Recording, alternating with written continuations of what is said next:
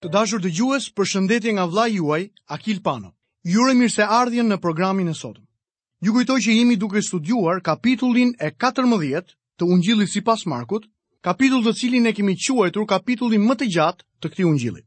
Do të fillojmë menjëherë studimin tonë nga vargjet 26 deri 31 të këtij kapitulli, pra le t'i lexojmë menjëherë. Dhe mbasi kënduan një himn, dolën dhe u drejtuan nga mali i Ullinjve.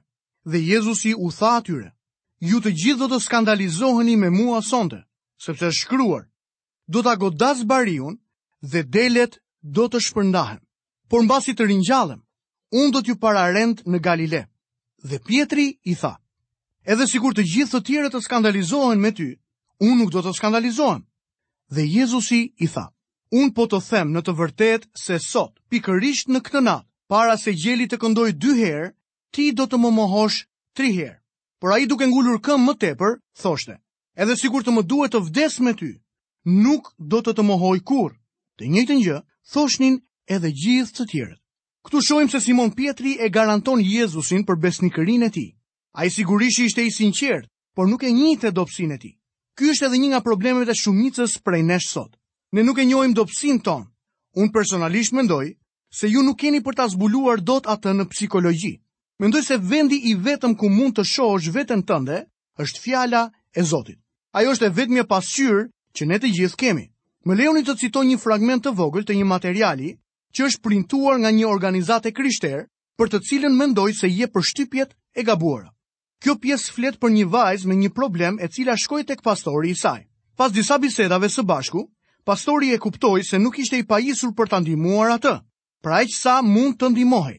Ja pse e drejtoi tek kompetenti, një psikolog i krishterë, një person i cili si një këshilltar profesional e ndihmoi të kuptonte më thellë burimin e ankthit të saj. Shumë prej tyre buronin nga eksperiencat fëminore që për një kohë të gjatë ishin harruar, por të kujtuara dhe të kuptuara nën drejtimin e një ndihmuesi të aftë. Rezultati ishte ky. Një adoleshente e krishterë çliruar nga dhimbjet e problemeve emocionale dhe një marrëdhënie e re me veten e saj, të tjerët dhe Perëndinë. Mund të them se ky lloj leximi më duket si historia e vëllezërve Grimm, dhe që nga ajo kohë ata jetuan të lumtur. Kam patur rastin të di se një krishterë psikolog nuk është më shumë kompetent për të zgjidhur këto probleme sot sa edhe mesatarja e pastorëve.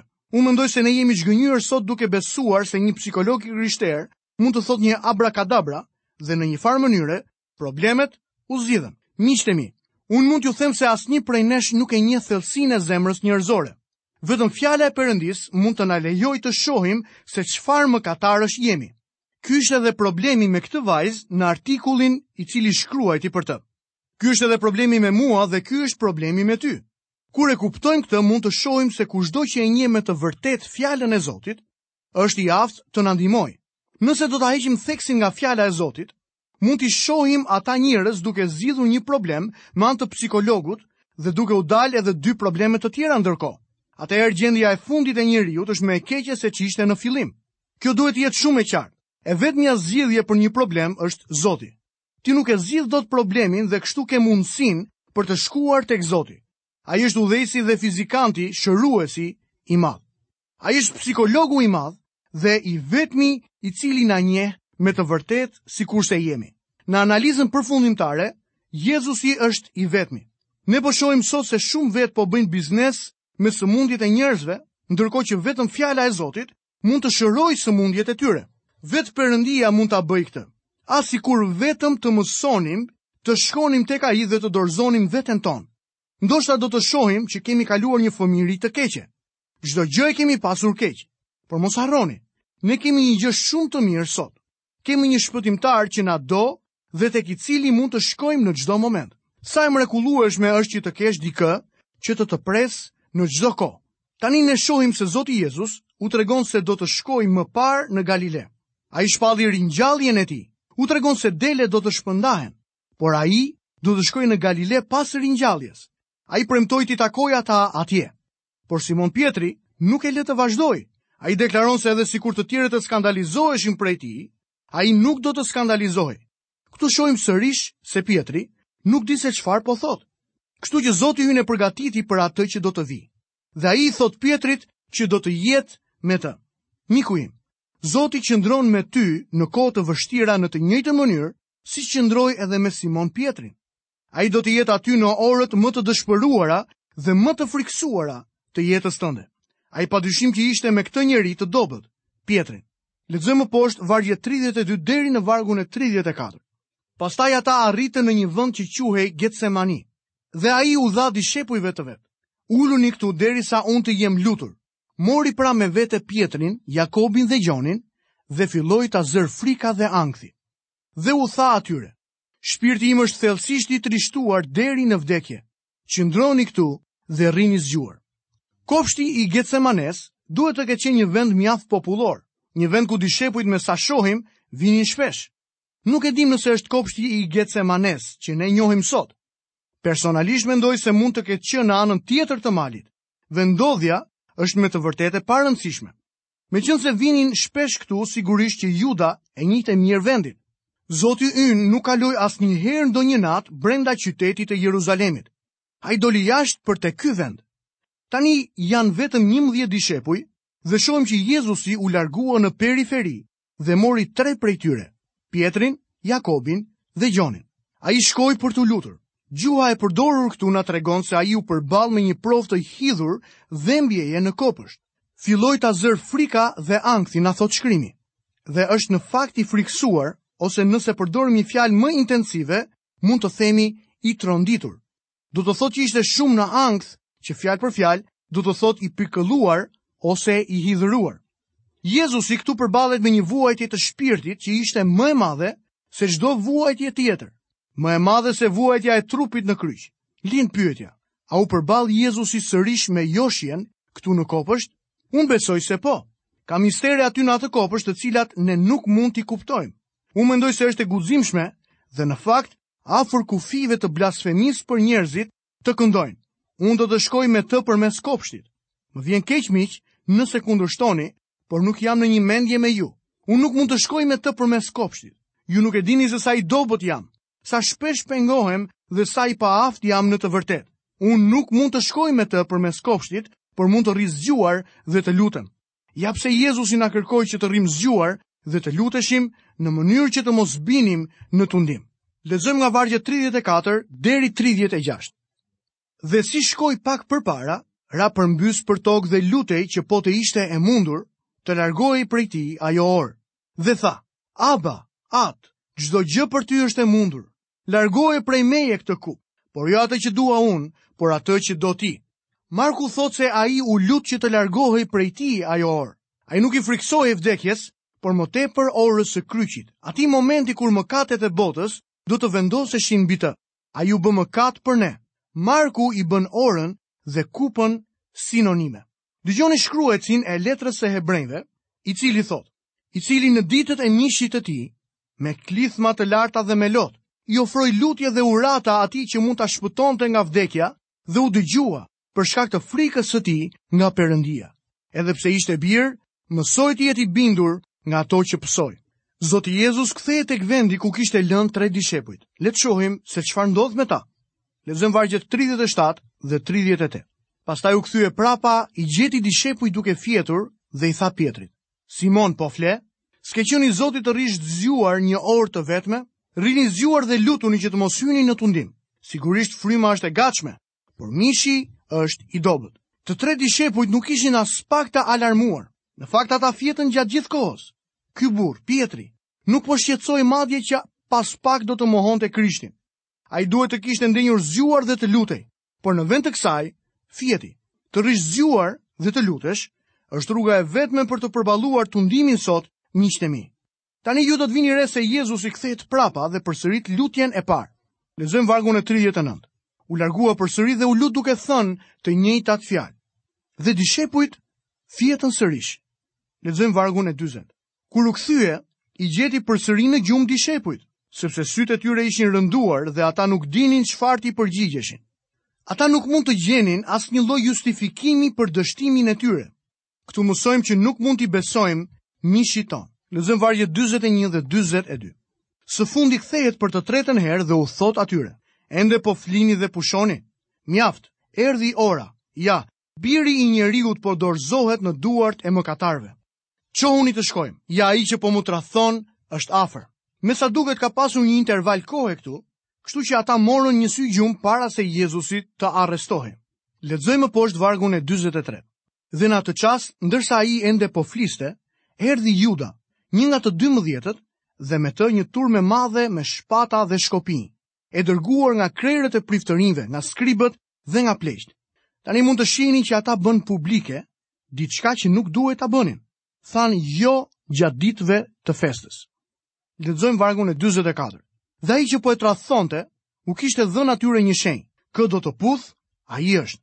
Kapeni dhe çojeni me shoqërim të sigurt. Këtu kemi të regjistruar një nga veprimet më të ulta të tradhtisë. Është e ndyrë dhe e neveritshme. Juda njihte vendin e veçuar të zakontë të Zotit dhe i drejtoi armiqtë e tij atje. Një puthje është shenjë dalluese e dashurisë dhe e dhembshurisë, ndërsa Juda e përdori atë për të tradhtuar Krishtin. Kjo gjë e bën aktin e Judës akoma dhe më të poshtër dhe të neveritshëm. Aksidentalisht mësojmë këtu se Zoti ynë në pamjen e tij njerëzore nuk kishte ndonjë ndryshim nga njerëzit e tjerë. Në një turmë njerëzish, ai duhet patjetër të identifikohej nga dikush që e njihte. Lexojmë vargun e 45. Dhe si arriti iu afrua menjëherë tek ai dhe tha, Rabi, rabi, dhe e puthi përzemërsisht. Do të vini re se Juda e quan atë rabi, që do të thotë mësues. Ai nuk e quan atë zot, dhe asnjë nuk mund të thotë Jezusi është zot, veçse në frymën e shenjtë. Lexojmë vargun e 46. Atëherë ata vunë dorë mbi të dhe e arrestuan. Ky moment shënon faktin që Jezusi dorëzohet në duart e njerëzve mëkatarë. Ai dorëzon veten e tij për të shkuar në kryq. Simon Pjetri përpiqet që ta shpëtojë. Lexojmë vargjet 47 deri 49. Dhe një nga të pranishmit nxori shpatën, i ra shërbëtorit të kryepriftit dhe ia preu veshin. Atëherë Jezusi duke iu përgjigjur u tha: Paskeni ardhur me shpata dhe me shkopinj që të më kapni, sikurse të isha një cub. E pra përditë isha midis jush në tempull, duke i mësuar njerëzit dhe ju nuk më kapët. Por kjo po ndodh që të përmbushen shkrimet. Jezusi na tregon se kjo përmbush profecinë. Nëse këta njerëz do t'u kishin besuar shkrimeve të tyre, ata ndoshta do të kishin hezituar ose madje edhe mund të kishin ndryshuar mendje. Lexojmë vargun e 50. Atëherë dishepujt e lanë dhe ikën të gjithë. Ashtu siç dyshonim, Pjetri është personi që preu veshin e një burri me shpatën e tij. Gjoni na tregon që ai quhej Malkus. Simon Pjetri ishte një peshkatar shumë i mirë, por nuk dinte se si ta përdorte shpatën. Ai kishte për qëllim që t'i priste qafën, por nuk e bëri dot, kështu që i preu njërin prej veshëve. Atëherë dishepujt e lanë dhe ikën të gjithë. Dhe kjo është thënia e cila përmbush dhe profecinë. Pastaj kemi ngjarjen e një të riu. Lexojmë vargun e 51 dhe 52. Dhe një farë djaloshi që ishte i mbështjellur me një çarçaf mbi trupin e zhveshur, po e ndiqte, por ata e kapën. Por ai e lëshoi çarçafin dhe iku lakuriq nga duart e tyre. Gjithmonë ka pasur spekulime në lidhje me çështjen se kush ishte ai. Disa mendojnë se mund të ketë qenë apostulli Pal. Disa të tjerë mendojnë se mund të ketë qenë Gjon Marku. Unë personalisht mendoj se do të ishte më me vend të mendohej se ishte Gjon Marku. Lexojmë vargun e 53. Atëherë ata e çuan Jezusin te kryeprifti, ku u mblodhën të gjithë krerët e priftërinjve, pleqtë dhe skribët. Jezusi tani çohet para Kajafës, kryepriftit që ishte i njohur nga Roma. Anania, vjehrri i Kajafës, ishte në fakt kryeprifti sipas ligjit të Moisiut. Në fillim Jezusi u çua para Ananias, gjë të cilën e regjistron edhe Gjoni. Disa besojnë se Anania ishte mashtruesi i vërtetë prapa komplotit për vrasjen e Jezusit. Ky është takimi me Sinedrin. Lexojmë vargun e 54. Dhe Pjetri ndoqi nga larg deri brenda në pallatin e kryepriftit dhe u ul atje bashkë me rojat dhe ngrohej pranë zjarrit. Pjetri po lëviz drejt rrëzimit të tij të turpshëm. Ai e ndoqi nga larg dhe pastaj u ul me turmën e gabuar. Lexojmë vargun e 55. Dhe krerët e priftërinjve dhe gjithë sinedri kërkonin dëshmi kundër Jezusit për ta vrarë, por nuk e gjenin. Meqenëse ishte natë, takimi me sinedrin ishte i paligjshëm. Metoda e përdorur ishte gjithashtu e paligjshme. Ata dëgjuan vetëm dëshmitarë që ishin kundra Jezusit dhe asnjë tjetër pro tij. Lexojmë vargjet 56 deri në vargun e 59. Shumë veta në fakt jepnin dëshmi të rreme kundër tij, por dëshmitë e tyre nuk përkonin. Atëherë disa u ngritën dhe dëshmuan rrejshëm kundër tij duke thënë.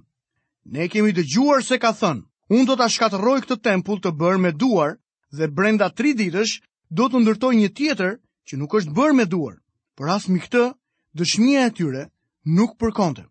Shumë do të ishin të gatshëm të sillnin dëshmi të rreme, por dëshmitë e tyre nuk përkonin. Një akuzë mund të ngrihej nga goja e të paktën dy dëshmitarëve. Pa dyshim që Jezusi nuk tha se do ta shkatërronte tempullin dhe pastaj ta ringrinte në tre ditë. Ai tha shkatërrojeni këtë tempull dhe kjo do të thotë që të tjerët duhet ta bënin këtë gjë. Dhe Gjoni shpjegon, por ai fliste për tempullin e trupit të vet. Lexojmë vargjet 60 deri në vargun e 62. Atëherë kryeprifti u ngrit në mes të kuvendit dhe e pyeti Jezusin duke thënë: Nuk përgjigjesh fare? Çfarë po dëshmojnë këta kundër teje? Por ai heshti dhe nuk u përgjigj fare. Përsëri kryeprifti e pyeti dhe i tha: A je ti Krishti, biri i të bekuarit? Dhe Jezusi tha, Unë jam, dhe ju do ta shihni birin e njeriut, të ulur në të djathtën e pushtetit dhe duke ardhur me retë e qiellit. Jezusi nuk u vetëmbrojt ndaj këtyre shpifjeve, ai sërish po përmbushte profecinë e bërë nga profeti Isaia në kapitullin e 53 dhe vargun e shtatë, si një dele e heshtur përpara atyre që e qethnin nuk e hapi gojën. Heshtja e Jezusit e çuditi dhe e inatosi kryepriftin. Ai donte që Jezusi të përgjigjej dhe të shihte nëse mund të dënonte vetveten me fjalët e tij. Së fundmi, kryeprifti e vuri nën betim. Aty Jezusi shpalli se ishte Mesia, biri i Perëndisë. Nuk mund të bënte shpallje më të mëdha sesa kjo. Ai shtoi një shpallje që mund t'i përkasë vetëm birit të Perëndisë. Shikoni se çfarë flet libri i profetit Daniel, kapitulli 7, nga vargjet 13 dhe 14. Unë shikoja disa vegime nate dhe ja, mbi retë e qiellit po vinte dikush që i ngjante një biri njeriu.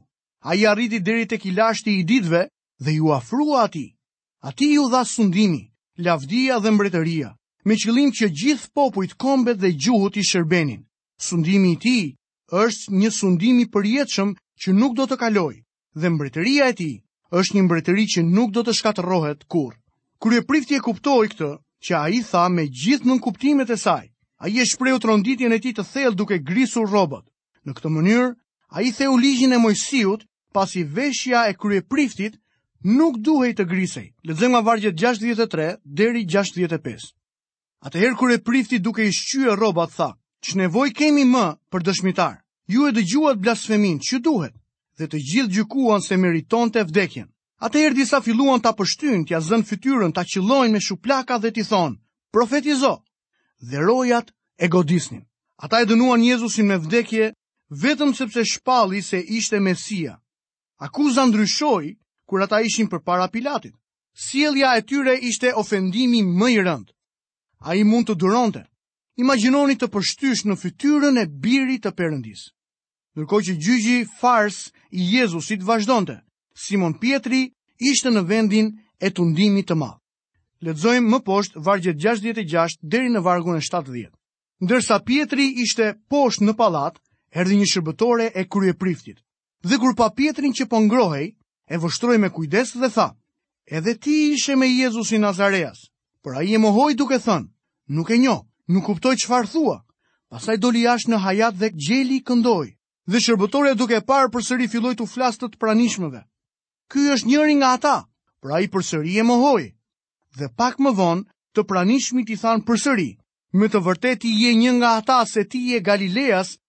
dhe e folura jote e zbulon.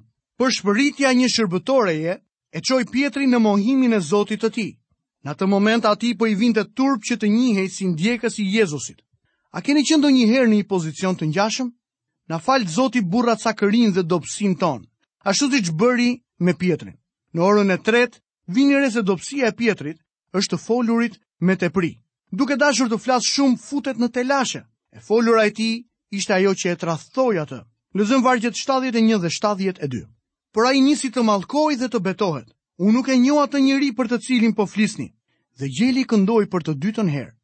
Atëherë Pjetrit iu kujtua fjala që Jezusi i kishte thënë përpara se gjeli të këndojë dy herë, Ti do të më mohosh tri herë dhe duke e menduar këtë, qau.